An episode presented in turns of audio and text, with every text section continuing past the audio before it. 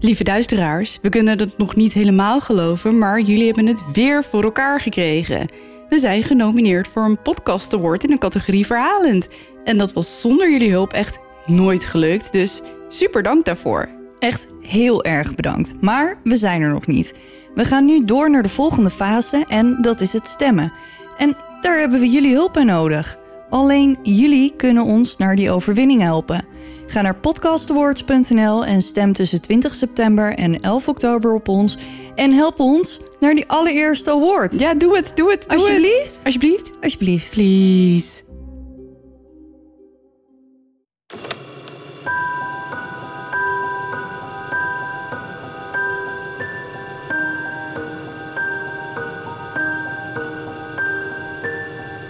Dit is Duister. Een podcast waarin je wordt meegenomen naar het onbekende, het onbegrijpelijke. Zwarte bladzijden van de geschiedenis komen voorbij. Hier hoor je de verhalen achter moord, doodslag en onverklaarbare gebeurtenissen.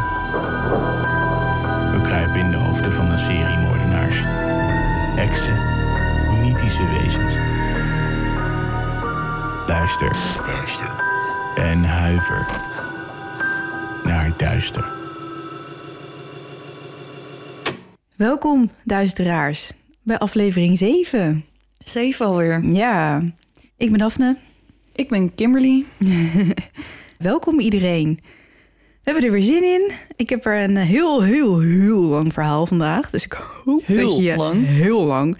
Nou, eigenlijk zijn het drie verhalen. Of eigenlijk twee verhalen en één wat langere. En die, die heeft iets meer diepgang. Dus het zijn er drie. Het zijn er drie totaal. Oké. Nee, voor, voor de duidelijkheid. Oké. Het zijn drie verhalen.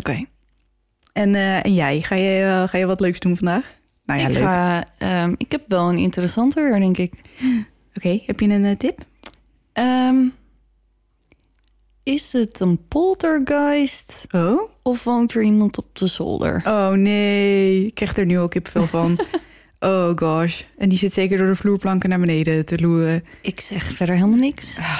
Oké, nou, ik, ik, ik mag beginnen. Dus je moet voor Kim een verhaal heel, heel, heel, Heel lang wachten. heel lang wachten. Maar Nee, ik weet valt zeker wel dat die van mij veel leuker is dus- dan die van Daf. Oh. Dus luister vooral gewoon helemaal tot het eind. mee. Ja.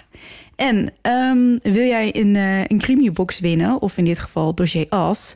dan hebben jullie nog tot vrijdag Vrijdag. om eh, te reageren op Instagram of Facebook...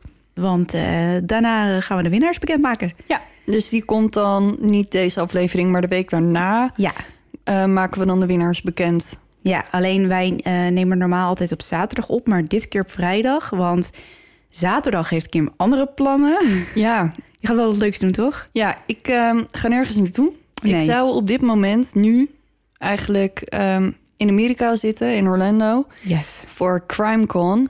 Ja. En nou ja, helaas ging dat niet door. Daar heb ik het hele jaar naar uitgekeken. Ik zou samen met Samantha ehm, ja, naar CrimeCon. Jammer. Ja, en voor degene die niet weet wat CrimeCon is... dat is een driedaags evenement met alles over waar gebeurde misdaad. Dus forensisch onderzoekers, advocaten... nou ja, noem maar op, journalisten, podcasters, YouTubers. Een soort van eh, Comic-Con, maar dan voor ja, precies. mensen die van misdaad houden. Nou goed, maar zaterdag gaan zij livestreamen. Ja, als zij gaan gegeven voor jou. livestreamen... En dat wil jij heel graag kijken. Dus dan voor de verandering gaan wij op vrijdag, Vrijdag opnemen. opnemen. En dat betekent voor jullie dat je dan nog eh, twee dagen nu hebt om ehm, te reageren en kansen te maken op Dus Dus je je as. as. Ja. en mocht je nou niet zo lang willen wachten, maar wel gewoon willen spelen.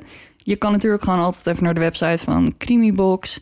En daar gewoon zelf iets voor jezelf bestellen. Dus Ja. je kan ehm, een hebben echt hele toffe dingen. Of een digitaal dossier, of gewoon een box, of dossier as. Als je echt geen geduld hebt, ga dan even naar creamybox.com. En Ja, ja, doe kijk, of dat. er- kijk of je iets anders wil doen in de tussentijd.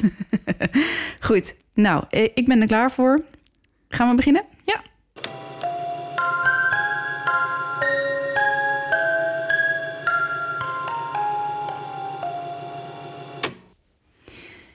Goed, nou, ik mag dus weer eh, beginnen deze keer. yes. En ehm, ja, jij weet het natuurlijk al. Ik heb een beetje treurig nieuws. Ja, Gisteren eh, overleed mijn eh, 18 jaar oude poes, die ik al nou ja, zo lang bij me heb. Dus eh, mocht ik een beetje mm, timide klinken vandaag, het heeft een reden. Want de kleine poes is er niet meer. Nee, ik hoop dat ze komt spoken hier, dat mag. Kom maar gewoon maar in je mondje. Ja, dat lijkt me wel leuk als ze dat doet. Ja. Emily is er trouwens nog wel gewoon, want ja. het is niet, we hebben er twee. Ja. Dus ehm, Emily is er gewoon nog wel. De ja. kleine poes is er niet meer. Nee. Dus M komt waarschijnlijk zo ook wel gewoon. Oh, nog ja, die even komt wel even spoken. buurten. Ja. Maar die kennen jullie ondertussen. Oké, goed. Ik ga beginnen. Deze week gaat het over Tromgeroffel. bezeten poppen. Bezeten poppen. Ja, haunted dolls. Oh. Oh. nou, Goh, dat, ja. Hè? dat kom maar op klinkt, dan. eh, dat klinkt eh, alsof je er zin in hebt. ja, enig. Dat, het spook, mijn spook, Ja. die vindt het doodeng. ja, maar laten we Ik doe eerlijk altijd zijn. zeg maar proefvoorlezen om te kijken hoe lang ik precies ben met mijn verhaal. Ja, En die zat echt, ik wil dit niet horen, ik wil dit niet horen, ik wil dit niet horen. maar laten we eerlijk zijn. Het spook vindt wel heel veel dingen heel eng. ja, dat klopt. Dus ik wil weet niet ook of hij echt- nou een goede graadmeter is. Nee, ik vind het ook super balen, want hij wil echt nooit een horrorfilm met me kijken. En Nee. ik kan het ook niet met mezelf kijken, want dan kijk ik niet. Dus dan mis ik echt het volledige verhaal. Dus het kan eigenlijk ook met jou. Ja, Oké, goed. Eh, ik ga beginnen. Want bezeten poppen, daar hoef ik natuurlijk niet echt een Wikipedia op los te laten. Want iedereen weet wel wat een bezeten pop is. Toch? ja ik neem aan van wel. Ja, of je hebt er wel eens van gehoord, of je kent misschien. Iemand die een bezeten pop heeft. Nee, maar ja, goed, iedereen weet wel ongeveer wat, het, eh, wat het eh, voorstelt. Maar eh, sommige mensen zijn eh, bang voor poppen in het algemeen. Dat is een fobie. Daar kan ik me wel wat bij voorstellen, ja. Ja, en dat heb ik wel even uitgezocht. Ehm, zal ik het even voorlezen? Ja. De wetenschappelijke naam voor angst voor poppen is pediofobie. Niet te verwarren met Pedofilie. precies. maar waarom zijn sommige mensen nou zo bang voor een popje? Nou, dat heeft een reden. Angst voor poppen heeft te maken met de manier waarop onze hersenen gezichten herkennen en aandacht geven. Want wat er gebeurt is dat onze hersenen moeite hebben met het onderscheid maken tussen een mens en een nepmens. Vanaf het moment dat we geboren worden, letten we goed op gezichten. Uit onderzoek blijkt dat pasgeborenen meer aandacht hebben voor echte gezichten dan gezichten waarin bepaalde kenmerken expres vervormd zijn. Er is ook vastgesteld dat hersenen in slechts 170 milliseconden op een gezicht reageren. Daarbij zijn de hersenen niet heel kieskeurig. Twee cirkels en een kromme lijn kunnen al genoeg zijn om dezelfde respons op te wekken zoals bij een menselijk gezicht. En dus zien we ook gezichten in levenloze objecten, zoals bijvoorbeeld een stopcontact of een smiley. Of wolken, bijvoorbeeld. Ja, bijvoorbeeld. Bij poppen werkt dit net zo. Poppen lijken zo erg op een echt gezicht dat onze hersenen een reactie verwachten. En als we die niet krijgen, beginnen we ons ongemakkelijk te voelen. Onze hartslag stijgt, het lichaam maakt adrenaline aan. En bij mensen met periofobie worden deze signalen van het lichaam verward met angst. Aha. Daarom doen horrorfilms zoals Chucky of Annabelle het zo goed, omdat ze ons voorstellingsvermogen van een duistere kracht die in een pop zou kunnen wonen, precies op de juiste manier laten zien. Oké, ja, dat verklaart wel het een en ander. Ja, toch? Ik Ja. las dit en dacht ik, ja, nou ja, ik snap het wel. Ja. Ik heb er zelf niet zo heel veel last van. Ik ook niet. Ik weet Nou mijn- ja, het ligt eraan. Je hebt, het ligt er ook wel echt aan wat voor pop het is. Als het zo'n porseleinen pop is, dan in plaats van een babyborn. Ja, nee, ja. Ja. Kinderpopjes heb ik sowieso niet zo... Nou, ja, maar ik weet nog, mijn tante spaarde vroeger trollen. ja, serieus. Tante Marie, als je dit hoort, ik kan me het nog perfect herinneren. maar die waren echt eng, jongen. Gewoon eng. Gewoon- Ik heb vroeger wel zelf trollen gemaakt. Oh, hoe doe je dat? Ja, weet ik niet, maar ik zat bij zo'n knutselclubje. En op een gegeven moment gingen we trollen maken. Trollen, Ja. trollen. Ja. Oké. Goed, een klein voorbeeld van waarom mensen poppen zo eng vinden... is het verhaal van La Pascualita. Mijn Spaans is niet echt fantastisch, maar... La Pascualita. La Pascualita, denk ik. Dat is een, een pop in de etalage van een bruidswinkel. De pop was zo levensecht dat men dacht dat het de gemummificeerde dochter van de eigenaar was. Oeh. Oh, Ja, deze vermeende mummie verscheen voor het eerst op 25 maart 1930. Pardon. En droeg naar verluid een jurk uit de zomercollectie. De lokale Oh, bocht. wacht even. Maar zij is dus een paspop en niet gewoon een Nee, nee, nee. speelpop. Een paspop, ja. Ja, maar ze een leek mannequin. zo echt Ja. dat iedereen dacht... huh? ja, nee, ik dacht misschien was er zo'n klein poppetje in een soort van baby bruidsjurk. Nee, nee, nee, nee. Oké, nee. het is Maar er gewoon komt een- nog meer, er komt nog meer. Oké. Het- het- het- het- de uitleg Ja. volgt. De lokale bevolking was getroffen door hoe echt La Pascualita eruit zag... en door haar gelijkenis met de eigenaar, Pascuela Es- Esparza. Jezus, dan hoor je al hoe mijn Spaans is, Ja, hè? nee, stop. Ja, Ik doe het je niet na. Nee, dit zijn ook echt de tongbrekers dit. Ehm, maar gezien het recente overlijden van haar dochter... ging het gerucht dat de etalagepop eigenlijk... de goed bewaard gebleven mummie was van die dochter. Ja, die stierf aan de beet van een Black Widow spider, dus een Oh. soort weduwe... vlak voor haar eigen bruiloft. Dat is natuurlijk best wel treurig. Oh, Ja, dat is wel een treurige gebeurtenis. Erspasta ontkende alle geruchten... maar ze wilde ook niet vertellen waar de pop dan wel vandaan kwam. Hmm, curieus. Ja, maar stel nou dat die vrouw gewoon haar dochter in de etalage heeft gezet. Ja. Ja. Dat... Maar hoe... Maar ik zal er op de website zetten. Ze ziet er ook wel een beetje uit dat je denkt... "Hé, Eh? hé, dit is raar. Maar ze had dus ook gewoon haar en zo. En... Ja, wimpers. Gewoon een beetje echt alsof het een een dood mens is. Maar hoe krijg je iemand zover dat, dat die als een paspop blijft staan? Ja, Een, eh, een dood mens bedoel ik dan. ja, weet ik niet. Ja, gewoon stu- stutten of zo. ik weet het niet, man. Of je, je spijkert hem ergens op. Ja, geen idee. Ja. Hm. Maar een, li- een, een dood lijf wordt natuurlijk ook gewoon eh, stijf. Ja, maar dat blijft niet voor altijd. Nee, maar als je het mumificeert, misschien wel. Ja, weet ik veel hoe dat werkt. En dan misschien wel, maar het is niet zo alsof de rigor mortis in, ehm Treed. intreedt. Dat gaat uiteindelijk ook weer weg.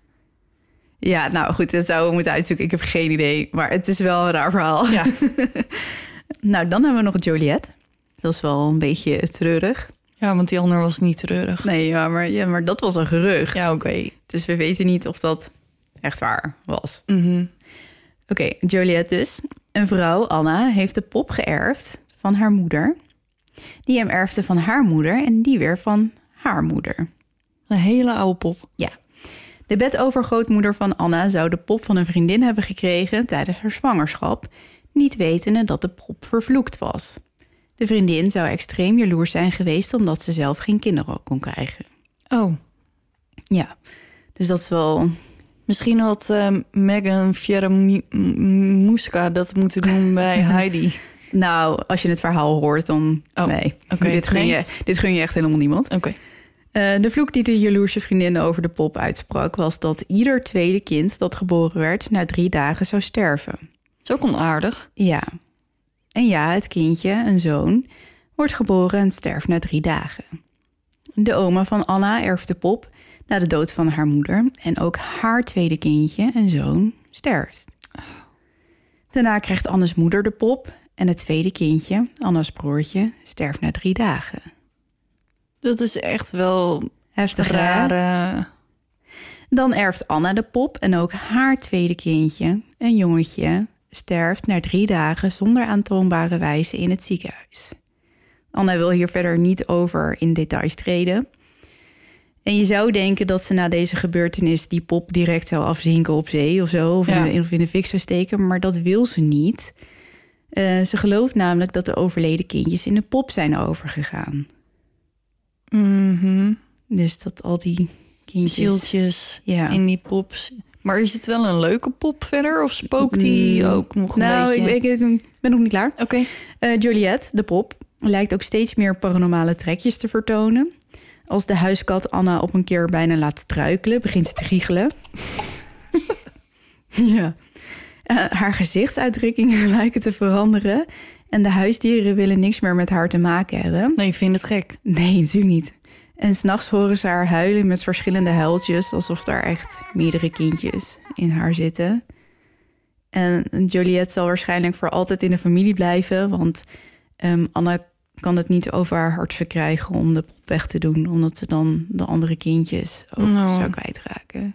Bizar toch? Ja, dat is wel echt een eh, heftig verhaal, man. Ja, het zou je maar gebeuren. Ja. Het sowieso een Maar kind waren voor- het ook allemaal jongetjes? Het waren allemaal jongetjes en de pop Juliette is een meisje. Dus het is wel...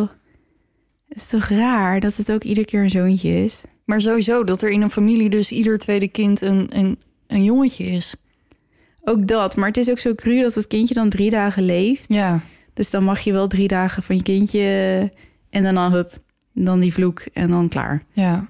Nou goed, dan hebben we Harold. Harold? Harold. Dit is ook zo'n bizar, eh, bizar verhaal. Hm, Harold was een van de eerste poppen die verkocht werd op eBay.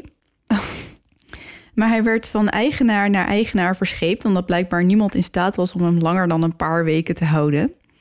Ehm, dit is wat de allereerste verkoper op eBay schreef... de eerste keer dat Harold werd aangeboden. Op eBay. Ja. Oké. Het is een heel verhaal, maar ik ga het gewoon even Ja. eh, voorlezen. Stel gerust al je vragen. Oké, dit is wat diegene schreef.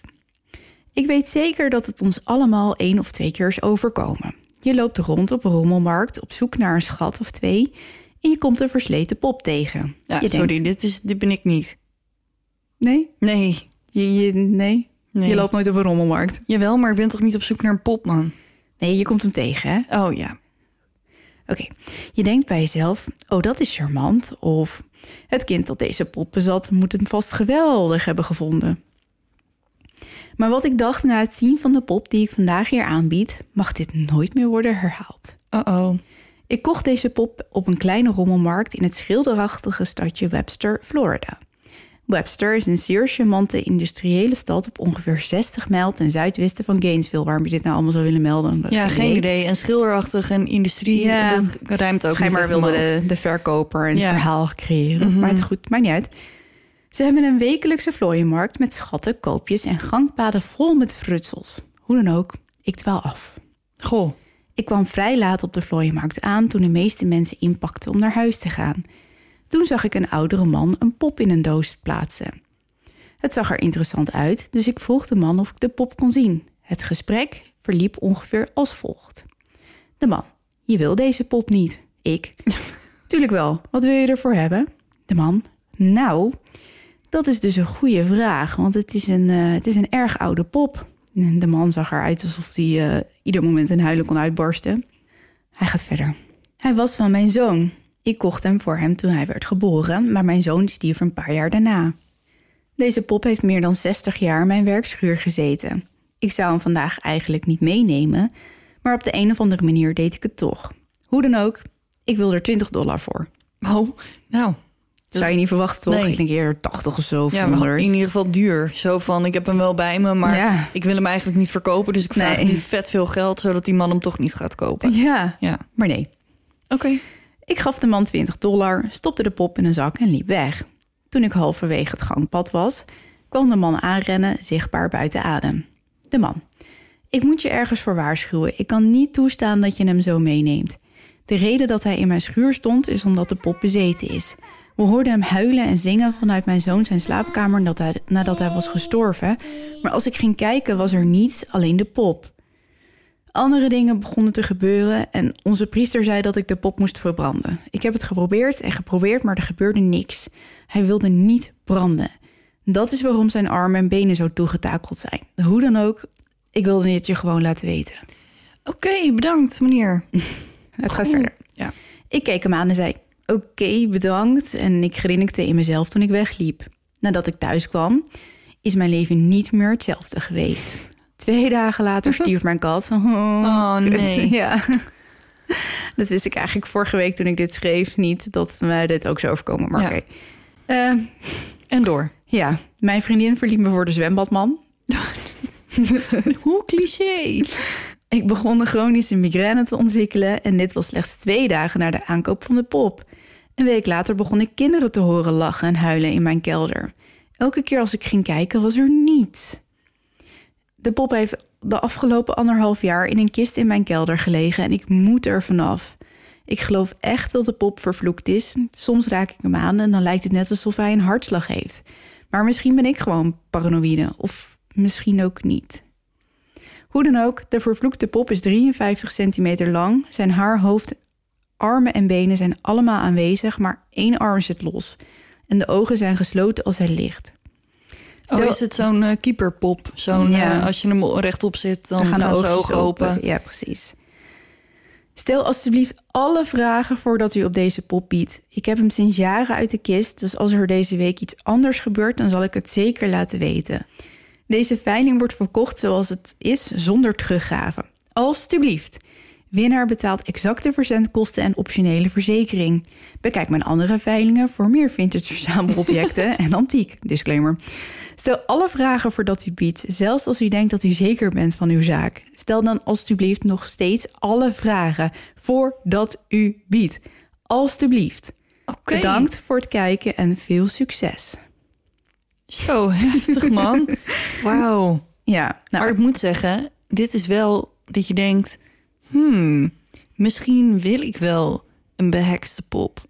nou we zijn nog denkt- niet klaar hoor. Dus ja, eh, nee, maar na, Ik- na het lezen Harold van wil je niet, denk die- ik. nee, Maar nee, maar na het lezen van die advertentie denk je, die man die heeft er zo'n mooi verhaal van gemaakt. Misschien is het wel echt, misschien is het nep, misschien is het echt, misschien is het nep. ja, hij brengt je wel in een twijfeltoestand. ja. ja. Oké, nou, Harold is vanaf dat moment van eigenaar op eigenaar overgegaan. Eh, niet veel mensen hielden hem lang, dat zei ik al. Allemaal werden ze geterroriseerd, naar eigen zeggen, door Harold.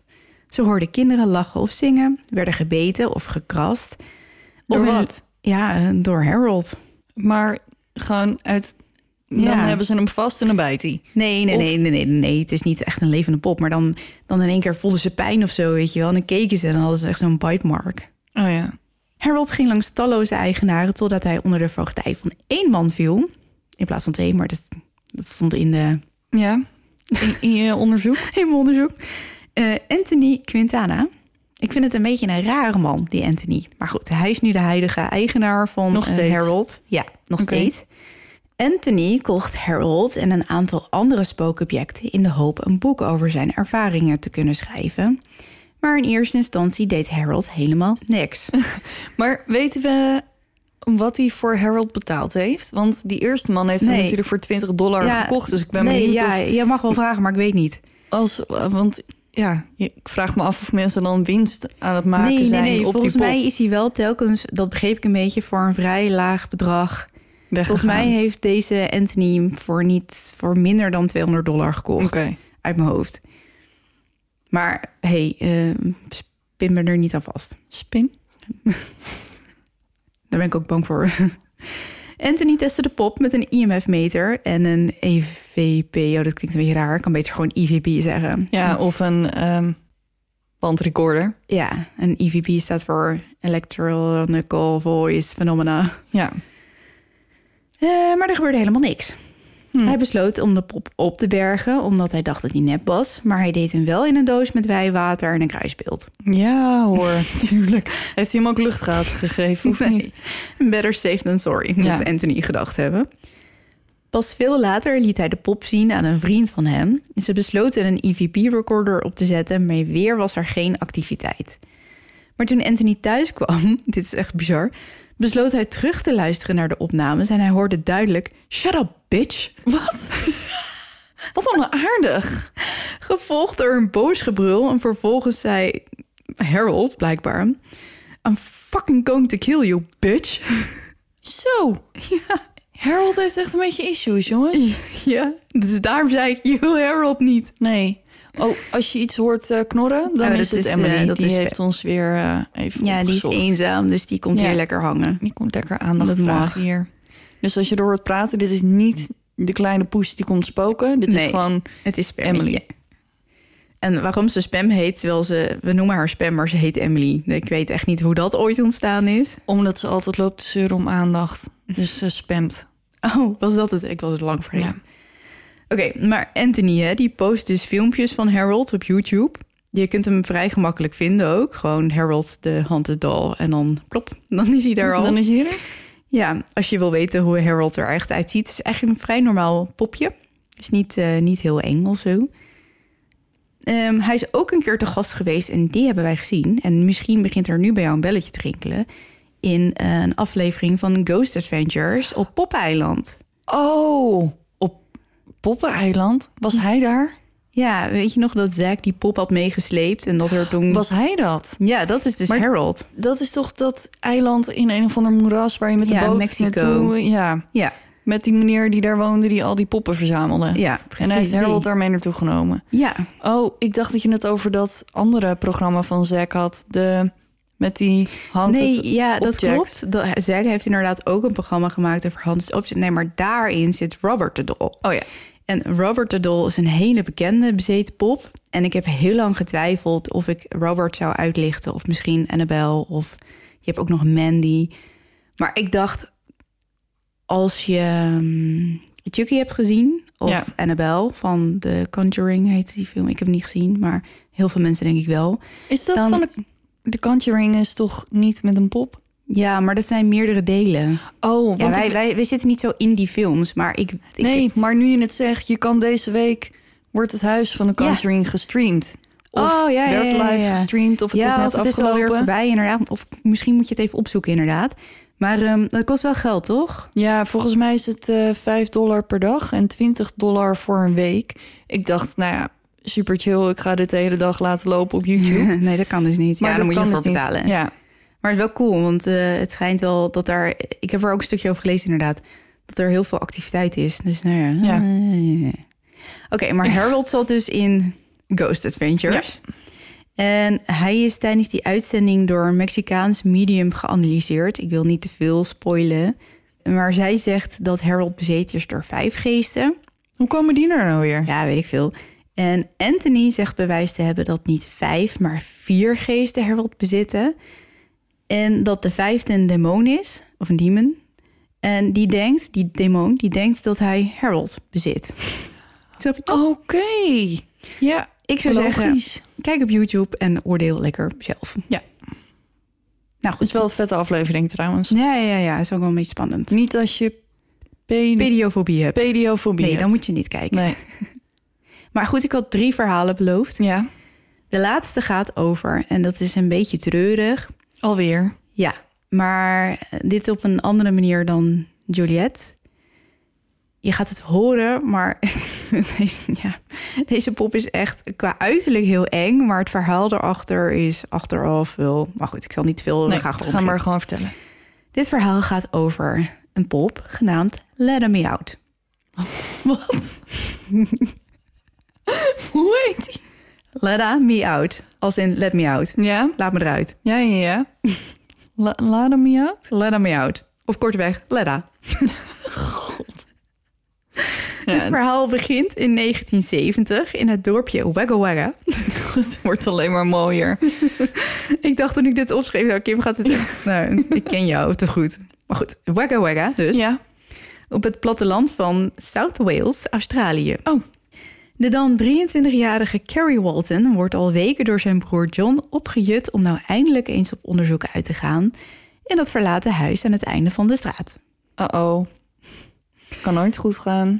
Het gerucht gaat dat er in dat huis de geest van een man zou zitten die kinderen vermoordt.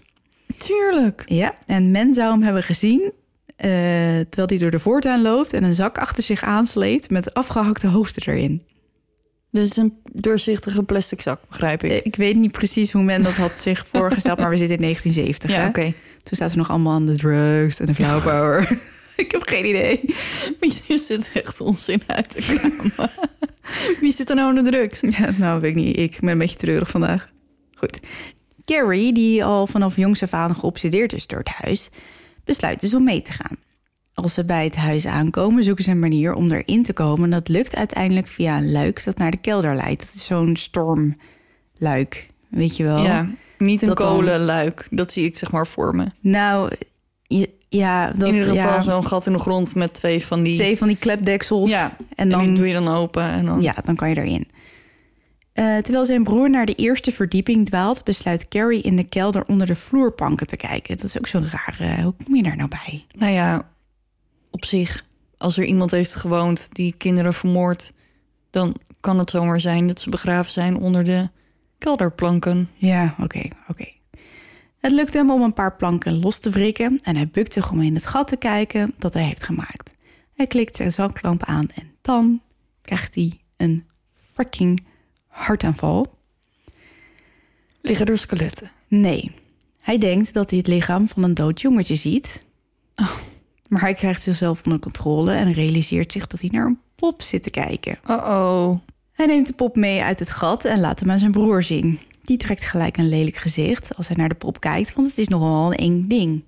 De pop, en hij is echt eng. Ik zweer het je, als je hem ziet. hij is, ik ga hem je laten zien, ja? Ja. Hij is echt dat je denkt, "Huh, wat is dit voor ding? Oké, ik kijk er nu al naar uit.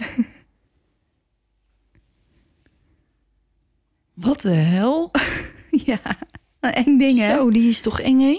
Het lijkt wel een beetje een soort van... Hij heeft ook een pak aan. En nette schoenen. En heeft een hele grote neus. Ja.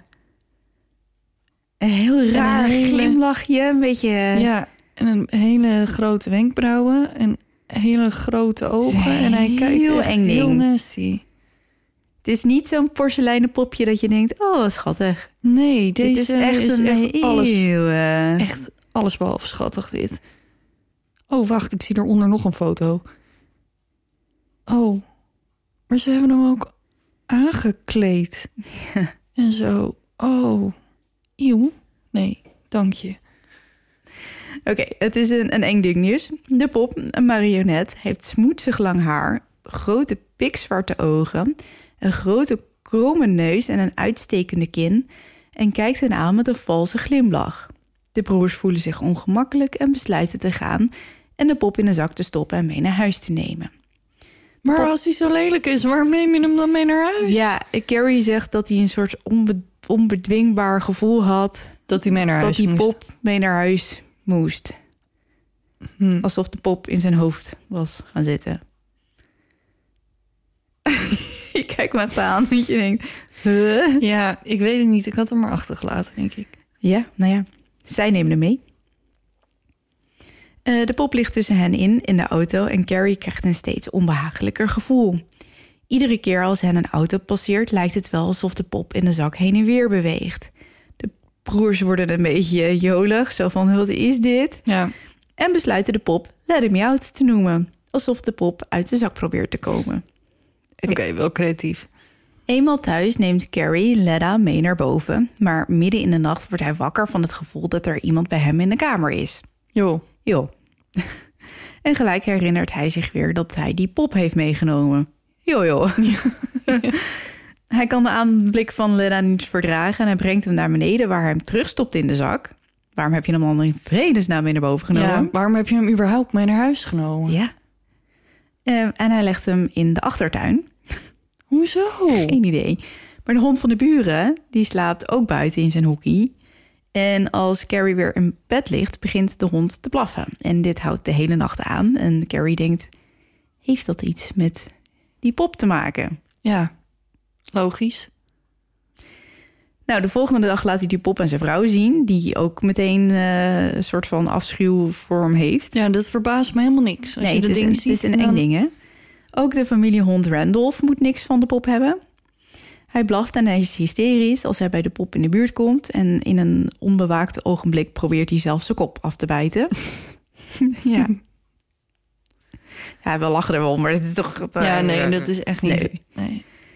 Eh, niet lang daarna kopen Carrie en zijn vrouw hun e- eerste eigen huis, want ze woonden blijkbaar nog bij haar ouders in. Omdat Carrie wat geld nodig heeft om meubels te kopen, besluit hij om Leda te verkopen. Smart move. Ja, hij vindt zelfs iemand die er 400 Australiaanse dollars. Oh, als je aflevering 1 nog niet gehoord hebt, dan gooi ik er nog maar even in. Maar Daphne en ik, ik weet niet hoe we er ooit op gekomen zijn, maar Ja, verspreking ja, of zo. gewoon een verspreking. Maar wij noemen een Australiër altijd een Australiaan. Ja. Dus soms zeggen we dus gewoon uit automatisme Australiaan.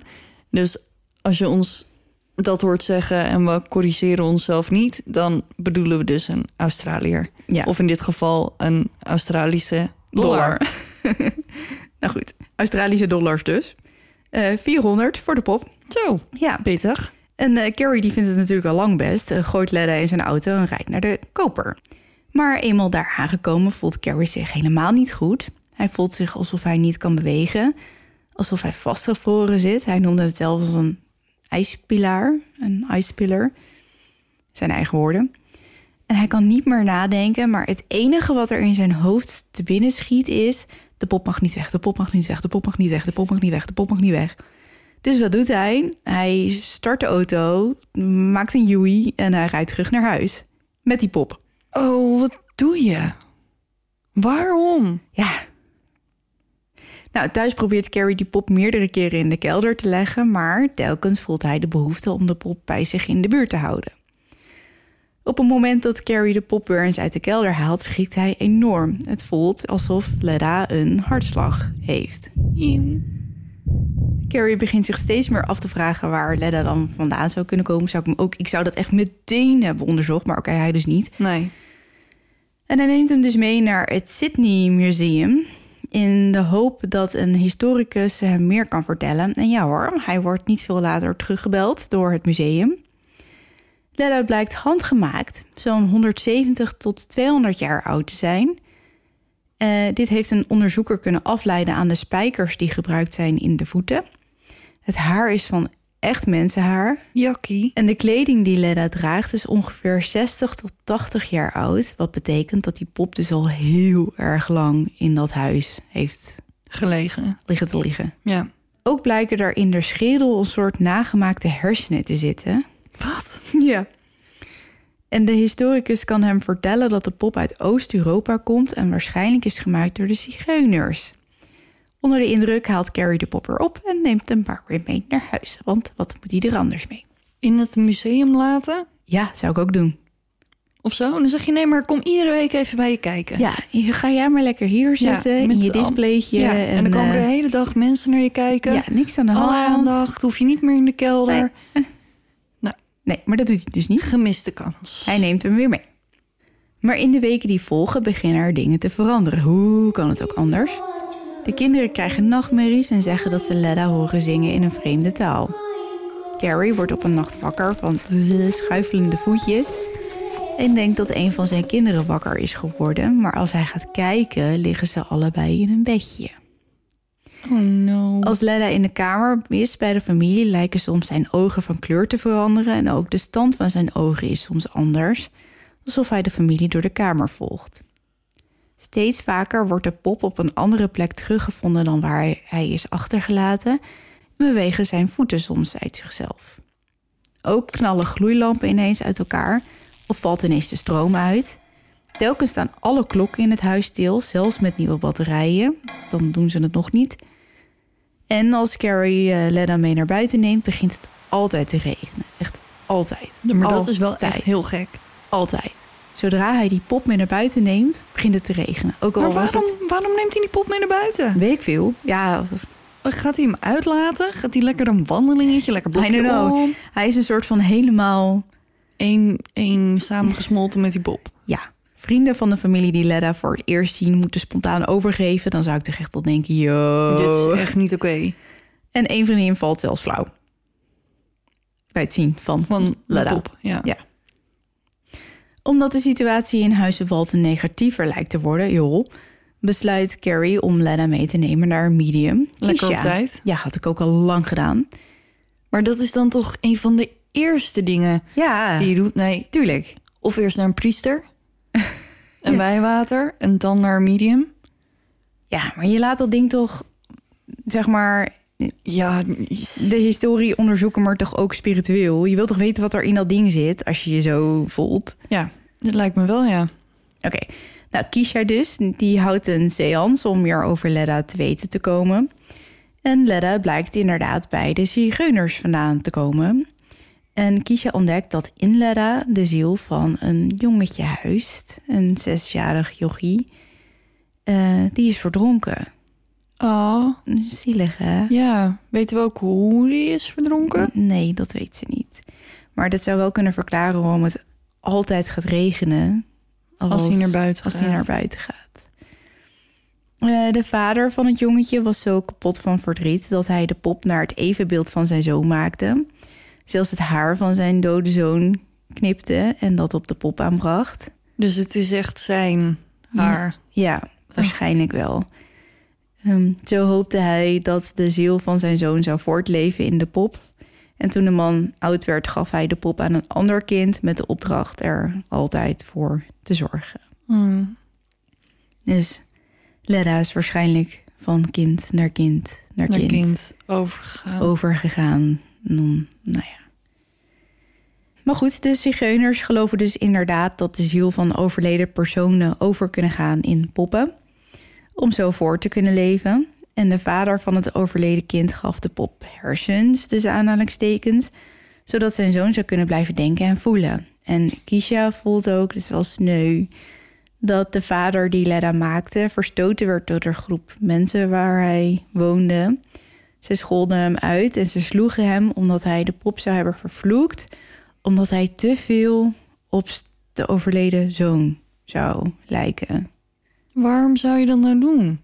Ja. Die jongen, die, die man, die mist gewoon zijn kind. Als dit nou helpt. Ja. Nou ja, dat is waarschijnlijk wel de reden waarom Leda zoveel verdriet met zich mee Brengt. draagt. Ja. Nou ja, na dit alles krijgt Leda Meoud steeds meer bekendheid en verschijnt Carrie steeds vaker in televisie-interviews.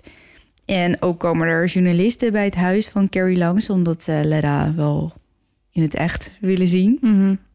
Eh, met het hier over begin jaren 80. Dus mensen hadden nog niet zoveel gehoord van Haunted Dolls. Tenminste, Misschien wel gehoord, maar niet gezien. ja, nee, de laatste was volgens mij Robert de Dal, die echt uit 1920 of zo ergens, 23 geloof ik uit mijn hoofd. Maar daarna was het hem wel een beetje, eh, ja, hè, nou ja, je kwam niet zoveel Haunted Dolls tegen. Dus Nee. Leda werd enorm populair. Maar Leda, die lijkt het helemaal niet zo fijn te vinden. En steeds vaker gaan er tijdens interviews camera's stuk of breken er gloeilampen. En dat is wel heel cool, want op YouTube staan wel filmpjes waarbij Carrie Leda vast heeft dat tijdens een interview dan een keer pats, dan klapt er zo'n gloeilamp. Gloeilamp uit elkaar. Ja, maar dat kun je wel vrij makkelijk terugzien als je dat leuk lijkt. Ehm, of Ledda raakt kwijt vlak voor een interview in huis en dan kunnen ze hem gewoon nergens vinden. Alsof hij zich verstopt. Ja, en hij heeft gewoon alsof hij. Geen zin heeft. Ja, precies. Polonaise aan zijn lijf. Dus Kisha die klonk- concludeert dat de pop geen zin heeft in al deze media-aandacht. En na een paar jaar stopt Carrie met de interviews. En ja hoor, alles kalmeert weer. Dus hij wilde het gewoon niet. Hij wilde gewoon echt niet. Nee, Nee. maar als je na- inderdaad ervan uitgaat dat het een zesjarig kind is... Ja. Ja, wie zit er nou op te wachten? ja, niet. Misschien is hij wel heel verlegen. Ja, Wil hij gewoon spelen en aandacht en gewoon met zijn liefde. familie zijn. En ja, niet per se al die journalisten en zo. Nee. Nou ja, Leda die woont nog steeds bij Carrie. Nog steeds. Nog steeds. Ja, in Warwick nu. En je kunt een afspraak maken met Carrie als je Leda wil ontmoeten. Eh, en je mag met hem op de foto, maar dat kost dan wel 5 dollar. Vijf dollar. Ja, Nou, oké, vooruit dan maar. zou je dat doen met Leda op de foto? nee, ik vind hem echt heel eng. Ja, hij is ook echt heel eng. Tenminste, ik vind hem niet per se, maar hij ziet er gewoon niet uit. Nee. Hij is gewoon echt niet aantrekkelijk. Nee, het is niet een pop die je denkt, nou, die neem ik eens even lekker eh, mee naar huis. Nou, Carrie dacht dat blijkbaar wel. Ja, Carrie is een beetje raar. ja. Nou, dat was het. Ja, goed verhaal, man. Ja. Wist je wat over bezeten poppen? Of ken je andere? Ja, ik ken er wel een paar en ik dacht ook eigenlijk dat je die misschien zou gaan doen. Maar ehm, ja, dan heb ik het over eh, Robert de Dol. Mhm. Peggy is er. Peggy, ja. ehm, Annabel. Ja. Ja, die drie. Je hebt eigenlijk. ook Mandy. En eh, Emily. Of Emily is, is er ook één. Maar weet je wat het is? Ehm, al die poppen hebben niet echt een. Niet, echt- dat is Emily weer hoor, de poes. Die hebben niet echt achtergrondinformatie of zo, weet je wel. Dat, dat, en Die zijn er dan verhaal- opeens en die hebben dan in één keer een spook. Ja, nou, dit, dit verhaal van Let Me Out is bijna 50 jaar oud. Dus er is natuurlijk al heel lang heel veel informatie. En Carrie heeft natuurlijk heel veel interviews Ja. gegeven. Maar bij de meeste pop is het... Heb je zo'n tijdlijn van ja, eh, dit gebeurde en dat. En eh, toen raakte die bezeten en toen werden mensen gebeten. Maar je kan niet echt de, de backstory vinden of zo. maar van deze Robert heeft dat poppen. toch wel? Ja, Robert wel. Dat klopt. En daarvan is ook heel goed eh, beschreven van wat er nou precies eh, gebeurde. Dat komt uit 1923 of zo. uit ja, mijn hij is hoofd. wel echt heel oud. Ja.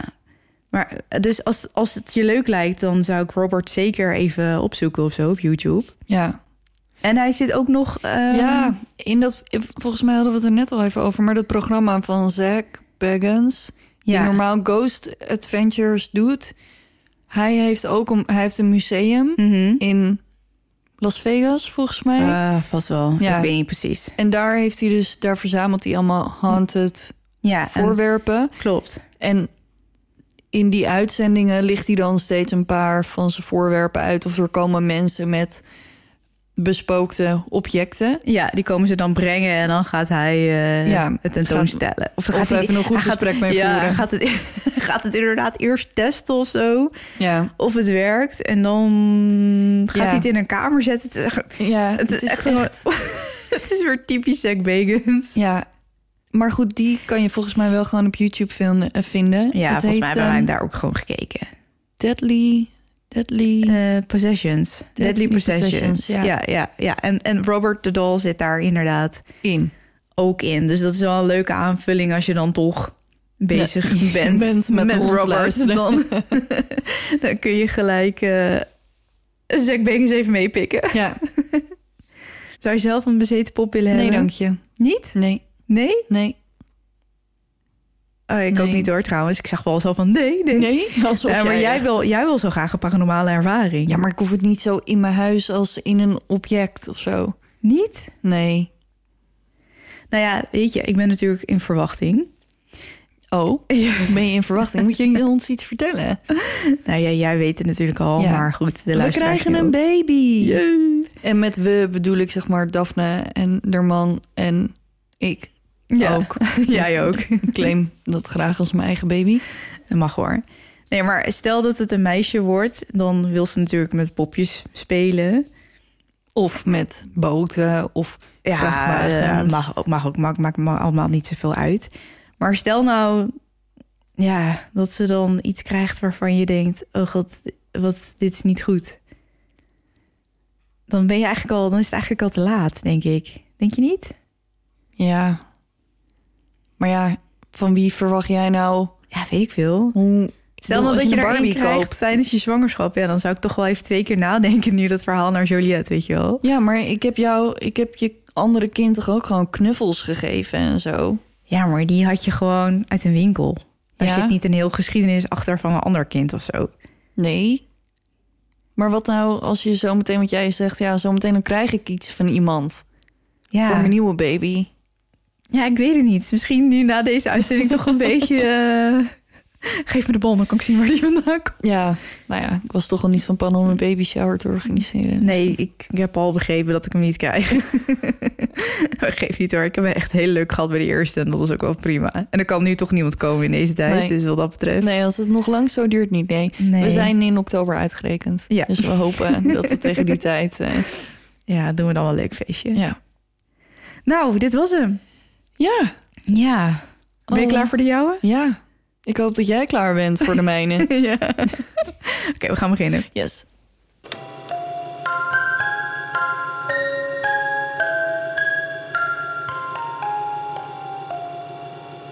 En we gaan deze keer naar Duitsland. Oh, oké. Ik zat te wachten totdat jij ging zeggen Amerika. Nee, ja, ik dacht er komt een Amerikaanse staat. Ja. Maar eh, nee. Nee, we gaan naar Duitsland Oh. deze keer. Ja. Oké. En niet zomaar naar Duitsland, maar we gaan naar Duitsland in 1922. Zo. Ja, en in de nacht van 31 maart worden er zes mensen vermoord op de Hinterkaifeck. Dus goed, even over mijn Duits. Meneer Ten Sande, als u dit luistert, het spijt me dat ik Duits zo snel mogelijk heb laten vallen. Ehm, meneer Ten Sande was onze leraar Duits. Ja. Ehm, ik vond Duits niet zo leuk. Ik vond ook niet. meneer Ten Sande heel leuk. Voor het geval die luistert. dus ehm, ja, mijn Duits is gewoon niet zo goed. Maar ik doe mijn best. Dus we gaan naar Hinterkaifeck. Dat is de naam van de boerderij in het zuiden van Beieren, Duitsland. Op ongeveer een uur bij München vandaan. In 1922 wordt een groot deel van Duitsland nog geteisterd door de Eerste Wereldoorlog. Maar de familie Gruber, dit is de familie waar het om draait, Mhm. was relatief welvarend. De boerderij was een gebouw van één verdieping. Dus gewoon alleen de benedenverdieping. En een kleine zolder en bestaat uit twee delen. Het ene gedeelte was het woonhuis... en het andere gedeelte, gescheiden door een muur, waren dan de stallen. Dus eh, wat, eh, wat hadden ze? Een vee of zo? Ja, ze hadden vee. De stallen waren bereikbaar door een buitendeur, maar ook vanuit het woonhuis. Dus je oh, kon ja, dat is gewoon- meestal zo, toch? Ja, dus je kan gewoon via de voordeur naar binnen en dan via de tussenmuur naar de Hoe heet stal. het ook weer? Niet een bordeel, maar Een een bordes. Nee, ook niet. Nee. Eh, de deel? Gewoon Ja, het, eh, eh, het deel. de deel of De zo? deel. Je weet wat ik bedoel, toch? Ja.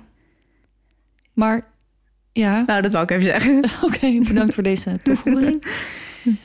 Dus de stallen waren bereikbaar door een buitendeur, maar ook door het woonhuis. Oké. En de zolder die beslaat gewoon allebei de delen. Dus daar Mhm. zit die muur dan niet tussen. Nee, oké. Als je op die zolder staat, dan kun je echt helemaal naar de achterkant van het huis Ja, dus dan kijken. kan je over, over het woonhuis lopen en over de stallen Ja, zonder precies. dat je een Oké. deur... Nou, laat dat, dat we dat even helder hebben. Hoewel het leven op de boerderij stabiel en vredig leek... hadden de bewoners een donkere, smerige geschiedenis... die misschien wel tot een dood heeft geleid. Oh, oké. Ten tijde van de moord wonen er zes mensen op de boerderij. Hoofd van de familie, Andreas Gruber van 62. Zijn vrouw, Cecilia Gruber van 72. Hun dochter Victoria Gabriel, een weduwe van 35. Haar twee kinderen, Cecilia van 7 en haar zoon Jozef van 2. En hun hulp in de huishouding, Maria Baumgartner van 44. Oké, vol gezin dus. En ik wil eventjes... ehm, in het verhaal komt seksueel geweld voor. Mhm. Dus ben je daar gevoelig voor of wil je daar liever niet naar luisteren? Kijk dan eventjes in de beschrijving van de aflevering. Ja, Want dan maken we daar even een timestamp. En dan kan je daar gewoon naartoe skippen. dan hoef je dit... En dan kan kan je, je, er dit verhaal gewoon over overslaan. En Ja, dan kan je daarna precies. gewoon de rest van het verhaal wel volgen. Want het, ik begin nu even met de geschiedenis. En dan, daar komt dat in voor. Oh, maar ja. voor de misdaad zelf Ja. eh, kan je gewoon doorspoelen naar dat stukje. En dan kan je het daar gewoon oppakken. Oké, nou goed om te weten. Het was onder de buren van de boerderij geen geheim dat Andreas zijn dochter vanaf haar 16e regelmatig verkrachtte. Wow. Ja. In maart 1914 probeert Victoria aan haar vader te ontsnappen door te trouwen met een man genaamd Carl Gabriel. Aangezien het kerstverse echtpaar op aandringen van Andreas op Hinterkaifeck bleef wonen, kunnen we aannemen dat dit sloeg natuurlijk nergens op. want dat Nee, was het echt is gewoon mislukking. schijn. Ja, want zolang zij nog onder dat dak zit, Dan blijft die vader dan blijft lekker zijn het gang gewoon- gaan. Ja. En het wordt nog erger, want in augustus van het jaar sluit Carl zich aan bij het leger en dan wordt hij uitgezonden naar Frankrijk. Dus dan is hij helemaal weg. Dus hij is weg en zij zit daar nog in het huis met haar Oh, vader. God. Ja. In december dat jaar krijgt Victoria het bericht dat haar man vermist is en waarschijnlijk Nee. is overleden. Oh jee. En zijn lichaam is nooit gevonden. Maar in januari 1915 bevalt Victoria van haar eerste dochter, die ze vernoemt naar haar moeder Cecilia. Maar de vader? Hoewel haar echtgenoot officieel de vader was, werd Andreas de voogd van het kleine meisje. Oh jee. Maar of wie er nou precies de vader is, Dat weten we dat niet. weten we niet. We gaan er dus ja, vanuit dat het. De, haar eigen vader wel was. Ja, of de echtgenoot, denk ik. Ja, ik weet het toch niet. wel? Ja, het kan alle twee. Ja, het is lastig natuurlijk. Ja. In mei 1915 betrapt een bediende per ongeluk Andreas en Victoria terwijl hij haar verkracht. Dus die vrouw die schrikt zich echt het apelazeren en die gaat onmiddellijk naar de politie. Oké, nou gelukkig. Ja, en de politie beschuldigt Andreas en Victoria van een incestueuze relatie. En Andreas Waarom krijgt haar ook? geen idee. En Andreas krijgt een jaar gevangenisstraf en zij moet voor een maand de cel in. Hè, wat een raar, wat een kromme... Ja. Ja, alsof zij daar vrijwillig aan meewerkt. Ja, het is natuurlijk allemaal... Ja, het is wel heel, heel, heel lang geleden ook. Ja, nou, Maar- de regels waren natuurlijk behoorlijk anders. En als vrouw was je sowieso al het haasje, volgens ja, mij. maakt niet uit wat je doet, volgens mij. Maar Nee. nee. volgens mij een vrouw altijd de schuld. Maar het verbaast me eerlijk gezegd dat hij gewoon een jaar toch vast heeft gezeten. Oh, dat is wel echt gebeurd? Ja. Oké. Ja, hij heeft gewoon echt een jaar vastgezeten en zij een maand. Maar als je denkt dat daarmee de kous af is, dan eh, en dat Victoria na zijn vrijlating een rustig leven kon leiden, dan Oh, dan hebben we het Helaas, mis. Dan heb je het mis. Op de boerderij is het net alsof hij nooit vast heeft gezeten en gaat gewoon verder waar hij gebleven is. Victoria doet nog een poging om aan haar vader te ontsnappen en begint een affaire met een boer uit een naburig dorp, Lorenz Schlietenbauer. Schlietbauer. Nadat de vrouw van Lorenz in de herfst van 1918 overlijdt, vraagt hij Victoria ten huwelijk. Victoria, die zegt natuurlijk ja, Ja, volmondig. Want die denkt, ik ga wieberen hier. ja. En als Victoria aankondigt opnieuw zwanger te zijn... ontkent Lorenz dat het kind van hem is. Huh? Ja, hij vermoedde al die tijd dat Andreas zich nog steeds aan zijn dochter vergreep. Dus de kans dat het kind van hem is, is 50 En de vader, dus Andreas en Lorenz... die krijgen een verhitte discussie over de vaderschap van het kind... en die eindigt ermee dat Andreas Lorenz bedreigt met een zeis. Oh, Lekker volwassen. en Andreas verbiedt het huwelijk tussen Victoria en Lorenz. En op dat moment heeft Lorenz zoiets van... joh, prima, zoek het lekker uit. Je, Ja. Ik heb hier toch helemaal geen zin in. nee. Ik doe hier een beetje mijn best. En ik En word dan een krijg beetje ik dit. bedreigd met de zeis en zo. Oké, als je geskipt hebt... dan ben je nu op het punt waarin je weer In kan inspringt in dit haken. verhaal. Ja, precies. Dus dan gaat voor jou nu ook het verhaal gewoon Ja. beginnen. Oké, ga verder. Dus als ehm, Victoria in 1919 Jozef heeft gebaard, staat de familie Gruber erop dat Lorenz het kind erkent en kinderbijslag betaalt. Oh, dat moet hij ook nog even doen. Ja, Terwijl we dus niet weten wie de vader, de vader is. Nee. is. In september, Maar om zeker schande te voorkomen, moet hij, Ja, moet hij even zoiets. opkomen draven Ja. van... eh, ja, was het. ja. in september gaat Lorenz naar de politie en legt daar een officiële verklaring af. Waarin hij verklaart dat Andreas de vader van Jozef is. Oké, en dat is hij bij de politie omdat? Nou ja, omdat we dan toch weer terugkomen bij die incestueuze relatie, denk ik. Dus Andreas Ja, en hij wordt natuurlijk bedreigd. Ook dat, ja. Ehm, Andreas wordt weer opgepakt en twee weken vastgehouden. En ik weet niet waarom, maar Lawrence trekt op een gegeven moment zijn verklaring in. En Andreas wordt vrijgelaten. Niet lang nadat hij zijn verklaring ehm, intrekt, trouwt hij met een andere vrouw. En het leven op Hinterkaifeck gaat weer verder zoals voorheen. Joepie. Ja, want het was zo leuk en gezellig. Nee, het klinkt als een hele duistere... Ja, kan niet heel. ehm, en vooral voor Victoria Ja, Niet wat een heel hel fijn moet geweest hij zijn. hebben gehad. Ja. Maar dan in maart 1922 gebeurt er iets opmerkelijks.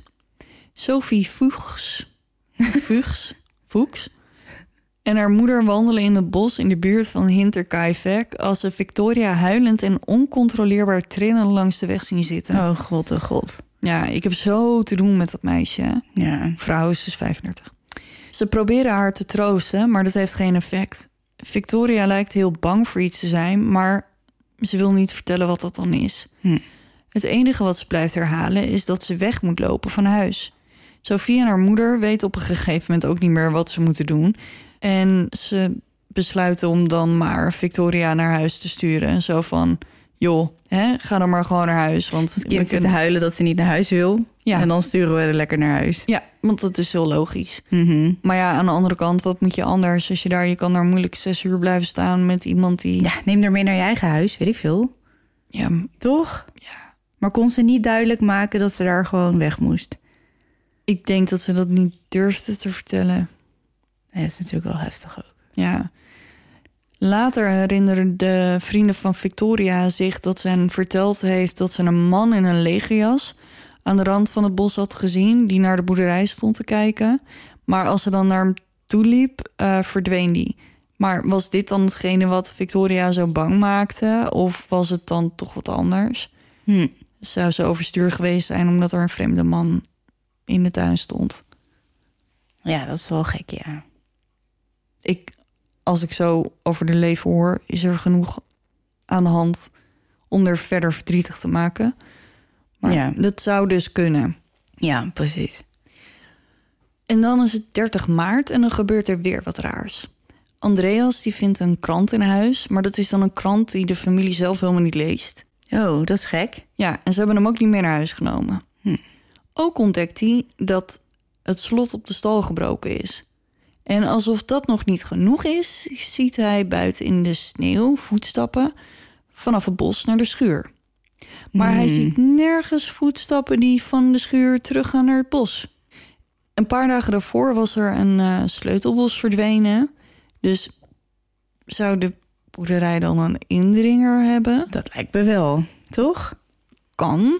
Er was alleen helemaal niks gestolen, dus waarom zou je dat dan doen? Hmm. Ja, maar dat hadden we de Marie-Celeste ook. Ja. en nog diezelfde avond denkt de familie voetstappen te horen op zolder. Ja, joh. Ja, Ja, echt waar. Ja, ik geloof Ja. je. Het was meer voor ons de verbazing. De volgende ochtend onderzoekt Andreas het hele huis. Hij vindt niemand, maar ontdekt wel dat er op de hele zolder stro is verspreid. Alsof iemand zijn voetstappen wilde dempen. Oh. Dus een lekker laagje, zodat je niet Ja, zo ja, ja, loopt te ja. stampen. Later die ochtend gaan Andreas en Victoria samen boodschappen doen... en ze vertellen allebei aan kennissen over die rare gebeurtenissen op de boerderij. Ja, gezellig samen boodschappen doen. Ja, tussen haakjes. Ja.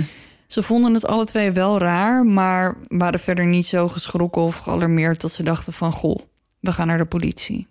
Rond de tijd dat Andreas en Victoria thuiskomen, arriveert net een nieuwe dienstmeisje, Maria Baumgartner en haar zus Francisca.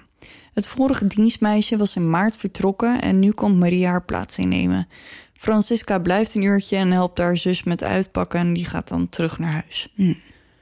De volgende ochtend, op 1 april, verschijnt de jonge Cecilia niet op school. Dit was ongebruikelijk, want normaal is ze er altijd. Haar leraar gaat ervan uit dat er niks ernstigs aan de hand is... en nou, maakt zich dus verder ook geen zorgen, want het kan een keer gebeuren... dat Ja, een misschien is kind ze ziek. natuurlijk niet ja, op En dan, ondag... toen belde je natuurlijk niet 's ochtends van... hé, hey, eh, luister, Nee, of eh, even een appje. Pietje is ziek, eh, hij komt niet. Hij komt niet vandaag. Smiddags komen er twee koffieverkopers langs op de boerderij om een bestelling af te leveren, maar er lijkt helemaal niemand thuis te zijn en alle deuren zitten op slot. Maar ook zij maken zich geen zorgen. Misschien zijn ze gewoon even boodschappen doen met de Hm. hele familie. Of, eh.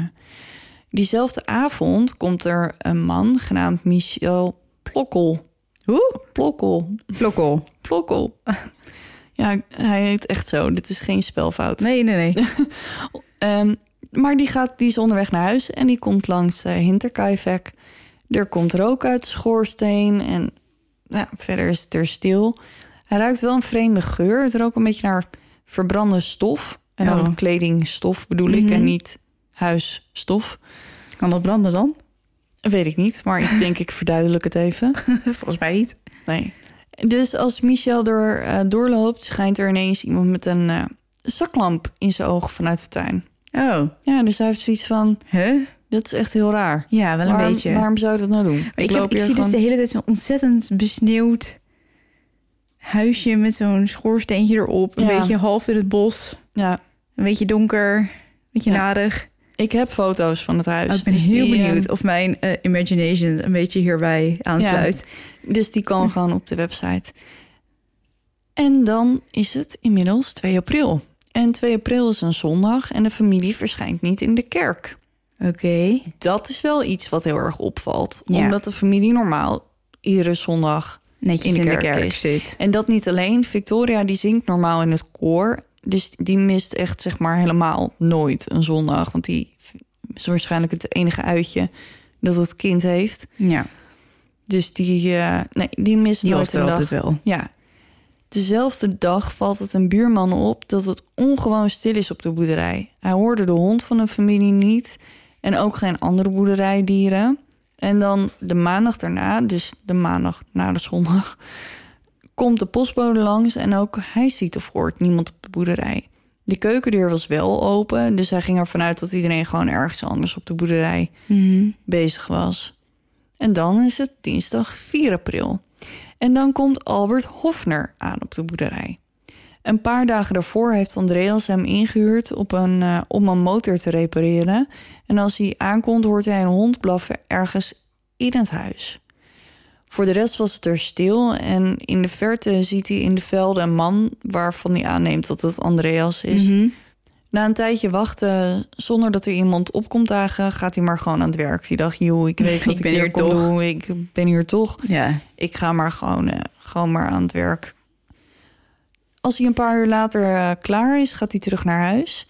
Maar als hij teruggaat, ziet hij dat de deur nu open is en dat de hond buiten vastgebonden zit. Oh, Ja. maar dan is het wel aannemelijk dat er gewoon iemand in het huis is. Ja, maar de hond was eh, van streek en hij bleef de hele tijd maar blaffen en grommen en hij had een diepe snee in zijn gezicht. Oh nee. Ja. Dus nou ja, Hofner die klopt nog maar eens op de voordeur, maar er doet weer niemand open. Hm. Dus dat is heel gek, want je gaat er dan vanuit dat er misschien in de tussentijd dat hij in die motor aan Ja, het dat werk er een is, beetje, iemand een is beetje, thuis een gekomen beetje of zo. leven is geweest of zo. Ja, maar niet dus. Dus nou ja, hij vindt het wel een beetje vreemd, maar die denkt er verder niet meer aan. Daarna gaat hij naar het huis van Lorenz Schlittenbauer. Dus dat is die De man ex waar van- Victoria mee zou gaan trouwen. Ja, precies. Dus daar vertelt hij het verhaal en nou, ja, dat het zo vreemd was en dat er helemaal niemand op de boerderij was. En hij vertelt het dan aan nog een paar mensen, maar niemand lijkt het vreemd te vinden. De enige die zich wel zorgen lijkt te maken is Lorenz. Als hij later hoort wat Albert Hofner heeft gezegd, roept hij gelijk zijn zoons Johan en Jozef bij zich. En zij gaan dan samen naar Hinterkaifeck om te kijken of ze iemand kunnen vinden. Maar hoe oud zijn die zoons dan? Dat weet ik niet. maar toch wel een geruime tijd later dus. Nou, maar Toch? volgens Of niet? Of, eh, ik, neem, Nee. ik neem aan dat je twee jochies van vier niet meeneemt, of wel? Nee, maar ze zijn wel ouder. Maar hij is natuurlijk ook al eerder getrouwd geweest. Oh, ja, dat is waar. Ja, oké. Want zijn eerste vrouw ver- overlijdt in 1918, geloof ik, zei Ja, ik net. oké. Dus ik neem aan dat dit gewoon in ieder geval tieners of volwassen ja kerels. precies. ik denk niet dat ze vier en zes waren. Dus zij gaan eh, naar Hinterkaifeck om te kijken. Even later zijn ze weer terug met het nieuws dat de boerderij leeg en stil is, dat alle deuren op slot zitten en in complete duisternis is gehuld. Oké. Ja, eh, ja ik, ik dacht dat je ging zeggen dat ze allemaal dood waren, maar niet dus.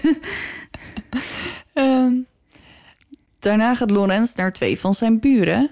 Michel Poel en Jozef Siegel. Ik weet niet, er zitten hier in dit verhaal zes Jozefsen.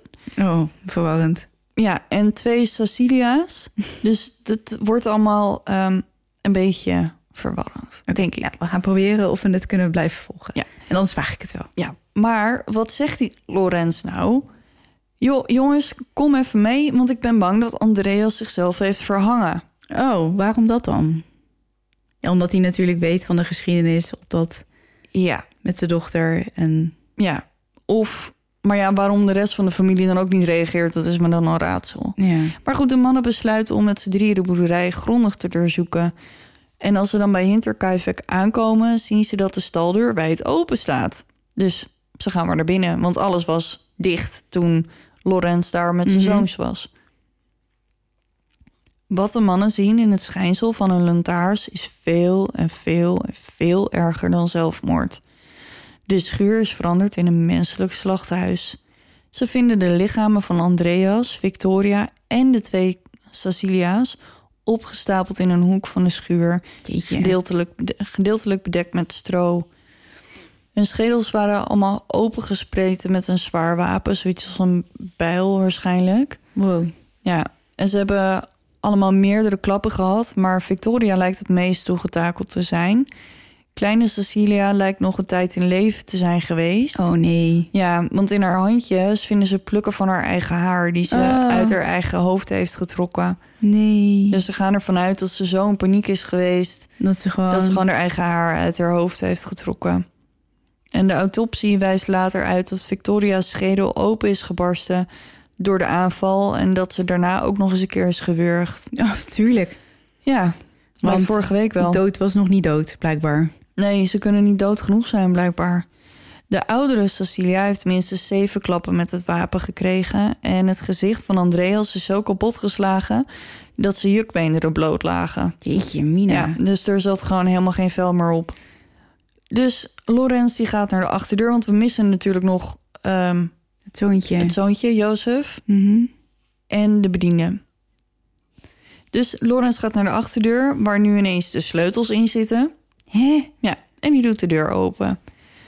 De drie verbijsterde mannen die gaan naar binnen en ja, logischerwijs vrezen voor de rest van het gezin. Ja. En al snel vinden ze de kleine Jozef in zijn ledikant, waar Oh, iemand hem dood nee. heeft geslagen. Oh god, oh god. Ook vinden ze het verminkte lichaam van de nieuwe bediende, Maria Baumgartner, in haar eigen kamer net naast de keuken. Haar koffer is nog steeds niet helemaal uitgepakt, wat suggereert dat ze niet lang na haar aankomst is vermoord. Anders dan bij de rest van de familie zijn Maria en Jozef met een enkele klap uitgeschakeld. Dus waar de oudere leden in het gezin gewoon echt bruut geslacht zijn, zijn zij vol. Ja, het lijkt meer gewoon alsof het. Ze moesten dood, Even snel. even snel. Terwijl, Geen getuigen ja, terwijl de haat meer echt gericht lijkt te zijn op, op de volwassenen. op de volwassenen. En dat dit meer een soort van bijkomstigheid was dat ze er vanaf moesten. Dan dat ze daadwerkelijk iets hadden tegen die kleine. En de bediende. Mhm. Die was er net pas. En dan op het eerste gezicht lijkt de familie ook helemaal niet beroofd te zijn. Geld en sieraden lagen nog gewoon in het huis. Het enige wat er wel gestolen lijkt te zijn is de inhoud van Victoria's portem- eh, portemonnee, want die lag leeg op haar bed. Maar daar is dus wel alles uit, maar voor de rest al het geld en zo was er gewoon allemaal nog. Dus ze gaan verder door het huis en dan vinden ze in de kelder een karkas van een dier. Dus ik weet niet of het dan een koe of een vark was, maar gewoon een Mhm. dier voor de slacht. En daar was dan recent nog vlees uitgesneden. Dus het lijkt er dan op dat er iemand nog niet zo lang geleden vlees uit heeft gesneden en dat het dan de moordenaar was. Want er is al natuurlijk al een paar dagen niks van de hele familie vernomen. Maar wat ik me afvraag, hè, als je met vier volwassenen in dat huis zit, hoe kan die persoon in zijn eentje dat voor elkaar hebben gekregen? Want ik neem aan dat als, jij, als wij hier met z'n drieën worden aangevallen, dat er nog zeker twee man zijn. Ik kom zo even op je vraag terug. Oké, ja, is goed. Ja. Maar goed, ze gaan er dus vanuit dat de moordenaar zich veilig genoeg heeft gevoeld om gewoon op de boerderij te blijven en dus gewoon lekker te eten en eh, Ja, gewoon een ja. beetje rond te hangen daar. Dan gaan ze naar zolder en daar vinden ze etensrestige, etensresten en menselijk, eh, menselijke uitwerpselen. Dus nou ja, we gaan er dus nu vanuit dat er iemand op zolder heeft gebivakkeerd. Hm. Maar wordt het niet eens tijd om de politie eh, erbij te halen? Nou ja, ze zijn dus nog op zoek naar of ze iemand kunnen vinden daar. Maar ze, zijn, eh, ze gaan er aan beginnen. Maar goed, die heeft dus waarschijnlijk al een tijdje op zolder gezeten. En in het dak van die schuur, van, of tenminste van de zolder, zitten losse tegels. Waardoor je makkelijk de binnenplaats van de boerderij kon bespieden.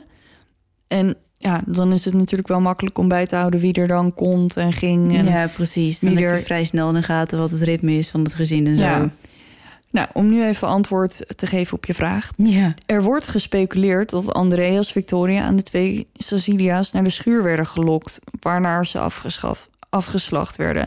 Dus het kan zijn dat bijvoorbeeld alleen eerst Andreas naar de schuur is gegaan Mhm. en die daar in elkaar is geslagen en zoveel herrie maakte dat Dat de rest ook is gekomen. ja, want we, ja, ik weet niet wat Jozef, de baby en de bediende aan het doen waren. Maar misschien dat de twee, of Victoria en Cecilia senior, ja, met Cecilia junior bezig waren. En dat ze daar naartoe zijn gerend.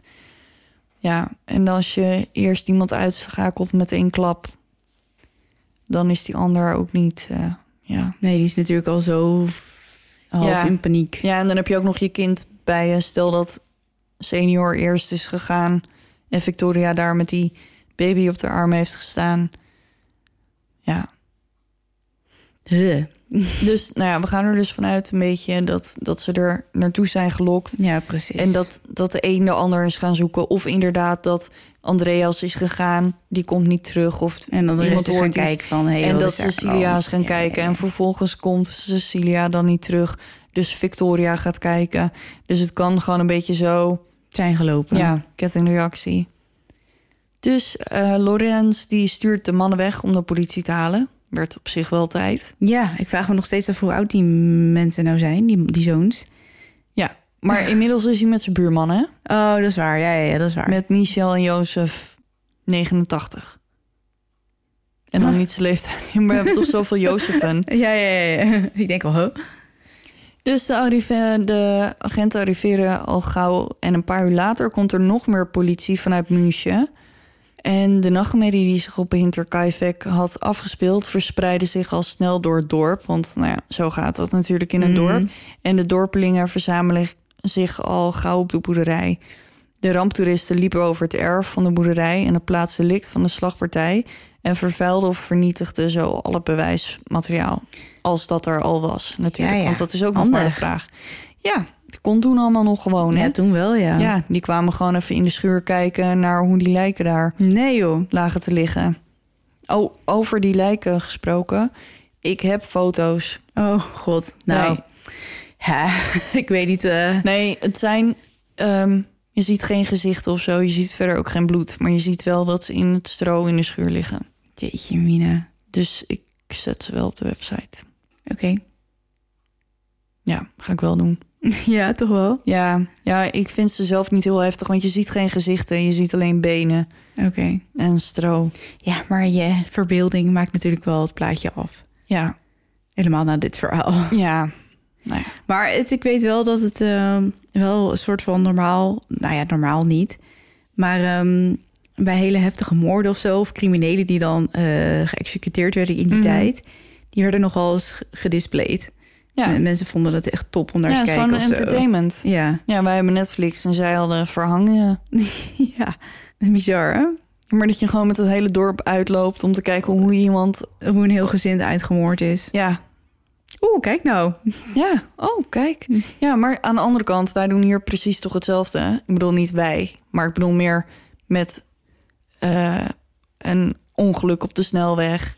Dat iedereen aan de andere kant lekker langzaam Zo'n gaat rijden. kijkersfile. Ja, dan krijg je een kijkersfile. Of als er iemand op de grond in elkaar is gezakt, gaat ook iedereen door me heen staan kijken. Ja, dat is wel een beetje zo. Ja, en wij kunnen het tegenwoordig ook nog eens allemaal filmen, Ja, En dat is nog erger. delen en zo. Waar die behoefte vandaan komt, is Ja, me dat heb echt ik een niet. raadsel. Nee, dat heb ik. Nou ja, nee. Ik, krijg, ik heb wel altijd dat ik, als ik iets heel ergs ehm, heb gezien, dat ik het dan zeg of zo. Zo van, nou, wat ik nou vandaag heb gezien. Ja. Maar ik ga het niet filmen. Ten eerste omdat het echt scheidirritant is voor iedereen om je heen. En ten tweede, het is gewoon niet nodig. Nee. Nee, dus dat ben ik het helemaal mee eens. Maar goed, ehm, het had verder niet uitgemaakt of er wel of niet... of tenminste, het had misschien wel uitgemaakt... maar het onderzoek loopt ook echt vanaf moment één vast. Oh, Ja, want ze hebben geen ehm, moordwapen... ze hebben geen voor de hand liggend motief of ooggetuigen. Dus ja, leken deze bruut moorden voorbestemd... om voor altijd een mysterie te blijven. Ondanks alles doet de politie hard zijn best om de moordenaar te vinden. In de jaren die volgen ondervragen ze honderden mensen en analyseren ze obsessief alle bewijzen die ze konden vinden. Uiteindelijk worden ze zo wanhopig dat ze zelfs de hoofden van de slachtoffers verwijderden en naar een helderziende in München stuurden. wow. Ja. en nou las ik ook nog dat iemand, dat de arts die had dat geleerd bij zijn nieuwe fancy op, eh, opleiding, dat het ook helpt om de hoofden te verwijderen voordat je ze begraaft voor later onderzoek. Ik weet niet waar dat goed voor is. Nee, dat weet ik ook niet. Maar goed, in dit geval kwam het dus mooi uit. Want die Ja. hoofden die gingen dus naar München naar een helderziende. En die eh, helderziende die verklaart dat er twee moordenaars waren. Twee? En, ja, dat het moordwapen ergens op het terrein verborgen ligt. Oh, Aangezien de geesten niet met adresgegevens van de daders op de proppen kwamen, Niet. was het alleen maar tijdverspilling. Nee, is toch jammer. nou hoezo? Ik zou gaan zoeken. Ja, dat hebben ze ook wel gedaan. Maar ze hebben niks gevonden. Oh, Dus het was alleen maar tijdverspilling. hmm. De politie had wel een lijst met verdachten natuurlijk. En Lorenz Schlittenbauer stond bovenaan. Brom, hij heeft het toch alleen maar gevonden? Ja, maar zijn vijandige band met Andreas bijvoorbeeld. En blijkbaar was hij ook onnatuurlijk kalm waarop hij reageerde toen hij de slachtoffers, waarvan er één zijn ex-geliefde en de andere ehm, nou, ja, misschien zijn kind vond. Naar eigen zeggen bezocht hij de boerderij maar een keer of twee, maar hij wist in de boerderij verdomd goed zijn weg door het huis te vinden. Een aantal van zijn buren waren ervan overtuigd eh, dat hij schuldig was. Terwijl anderen hem juist beschreven als een milde, zachtaardige man... die simpelweg niet in staat was om zo'n gruwelijke misdaad te begaan. Nee, maar dat hebben we wel van meer seriemoordenaars Ja. gehoord. Ik bedoel, als je naar de Weepy Voice Killer kijkt... dan denk je ook niet op het eerste gezicht Nee. dat het een eh, rare quibus is. Naar de quibus. Een rare quibus. Ehm, even kijken. Oh ja, een beroving lijkt uitgesloten. Want alle waardevolle spullen die lagen nog in het huis. En waarom zouden ze nog blijven hangen na de moorden? Waarom vermoord je iemand, maar blijf je dan nog een paar dagen in huis... als je verder toch niks meeneemt of Nee, zo? dat is inderdaad echt een heel creepy detail van deze hele... zaak. Maar Ja. hoe weet ze nou dat diegene dan is... Oh, door het, door het karkas in de kelder zeker. Ja, en blijkbaar zijn ook alle boerderijdieren gewoon nog gevoerd en zo. Echt waar? Ja. Dus die heeft gewoon daar een paar dagen gechilled. Beetje de varkens en de koeien eten gegeven. What? Zichzelf eten gegeven. Ja. Ja. hey, het regent. Oh ja. Oeh, lekker. Ja, houden we van. Heeft iemand Letta mee naar buiten genomen? Oh, ik denk het. ja. Dan komen we bij de volgende. Ehm Cressens Rieger, een oude bediende van de familie, die vertelt wel een interessant verhaal. Ze vertelt de politie dat een buurman, genaamd... Nou mag jij drie keer raden hoe die heet. Lorenz. Jozef. Jozef. Hij heet echt Ik zei Lorenz, toch? Nee, Nee, het is Jozef. het is Jozef. Ja, dus eh, nog een Jozef. En deze Jozef heet Jozef Thaler. En hij heeft haar meerdere malen geprobeerd te verleiden... tijdens de tijd dat ze eh, op de boerderij werkte. Oké. En volgens haar is hij vertrouwd met de indeling van het huis... en hij heeft haar een keer verteld dat hij wist dat Andreas... grote sommen geld op de boerderij verborgen hield... en dat hij ook precies wist waar. Oké. Jozef en zijn broer, Andreas, Nee. God de god. waren inbrekers. Oh, Ja. En een pa- saillant detail. Ja, en, maar Andreas is dus de broer van Jozef Thaler... en niet Andreas Gruber, de vader van de familie. Ja, ja, ja, ja, dat snap ik. Snappen we dat ja, nog? ja, ja, zeker. Oké. En dat, is, dat zijn de buren, zeg maar. Ja, die wonen ergens daar in het dorp ook. Ja, precies. En een paar maanden voor de moord had Andreas Gruber... ehm, de broers Jozef en Andreas betrapt... terwijl ze probeerden spullen van de boerderij te stelen... waarna die hen met een geweer van zijn erf afjoeg. Oké. Ja, maar als zij het waren geweest, waarom is de boerderij dan weer niet leeggeroofd? Dan neem je toch alles wat los en vast zit mee. Ja, maar dan... Ja, oké. Ja, maar dan zou het- zouden ze misschien ook gelijk de verdenking direct op zichzelf hebben gelegd. Maar wat hebben ze gedaan? Alleen de portemonnee van Victoria is leeg. Nee, als ze dat hadden gedaan. Ja, oké. Maar dan nog, ik vind het heel raar. dan hebben we nog een hele, niet dat deze niet zo vreemd waren, maar een hele vreemde theorie. En die heeft te maken met de echtgenoot van Victoria, Carol Gabriel.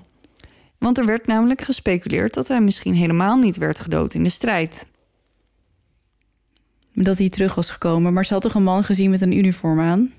Dat klopt. Toen dacht ik al, dat is de geest van haar man. Ja, alleen was het een geest. Nou, misschien niet dan. Nee, Maar waarom zou die terugkomen en de hele familie uitmoorden? Nou, dat was dus ook een ehm, vraag.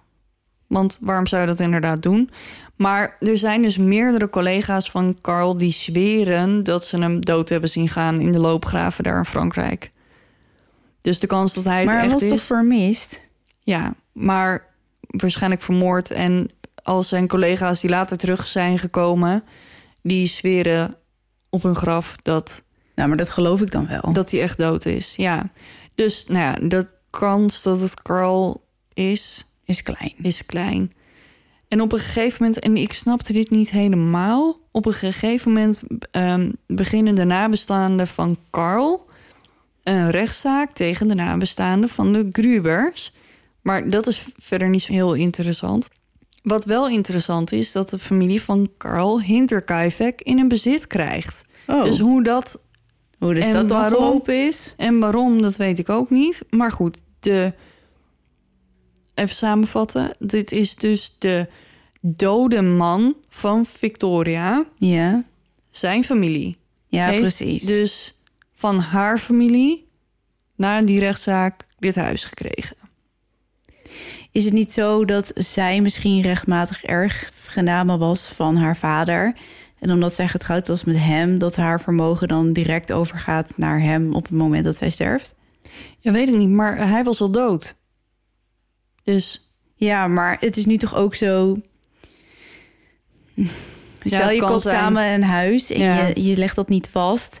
En een van de twee sterft, dan gaat het deel van je. naar zijn van- familie of haar Oh, precies. familie, ja. toch? ja. Dat kan, Misschien dat het een beetje. dat het toen ook al zo ja. was. Maar ik vond verder die hele rechtszaak niet interessant genoeg Nee, om dat nee, nee, helemaal nee, uit te snap ik. pluizen.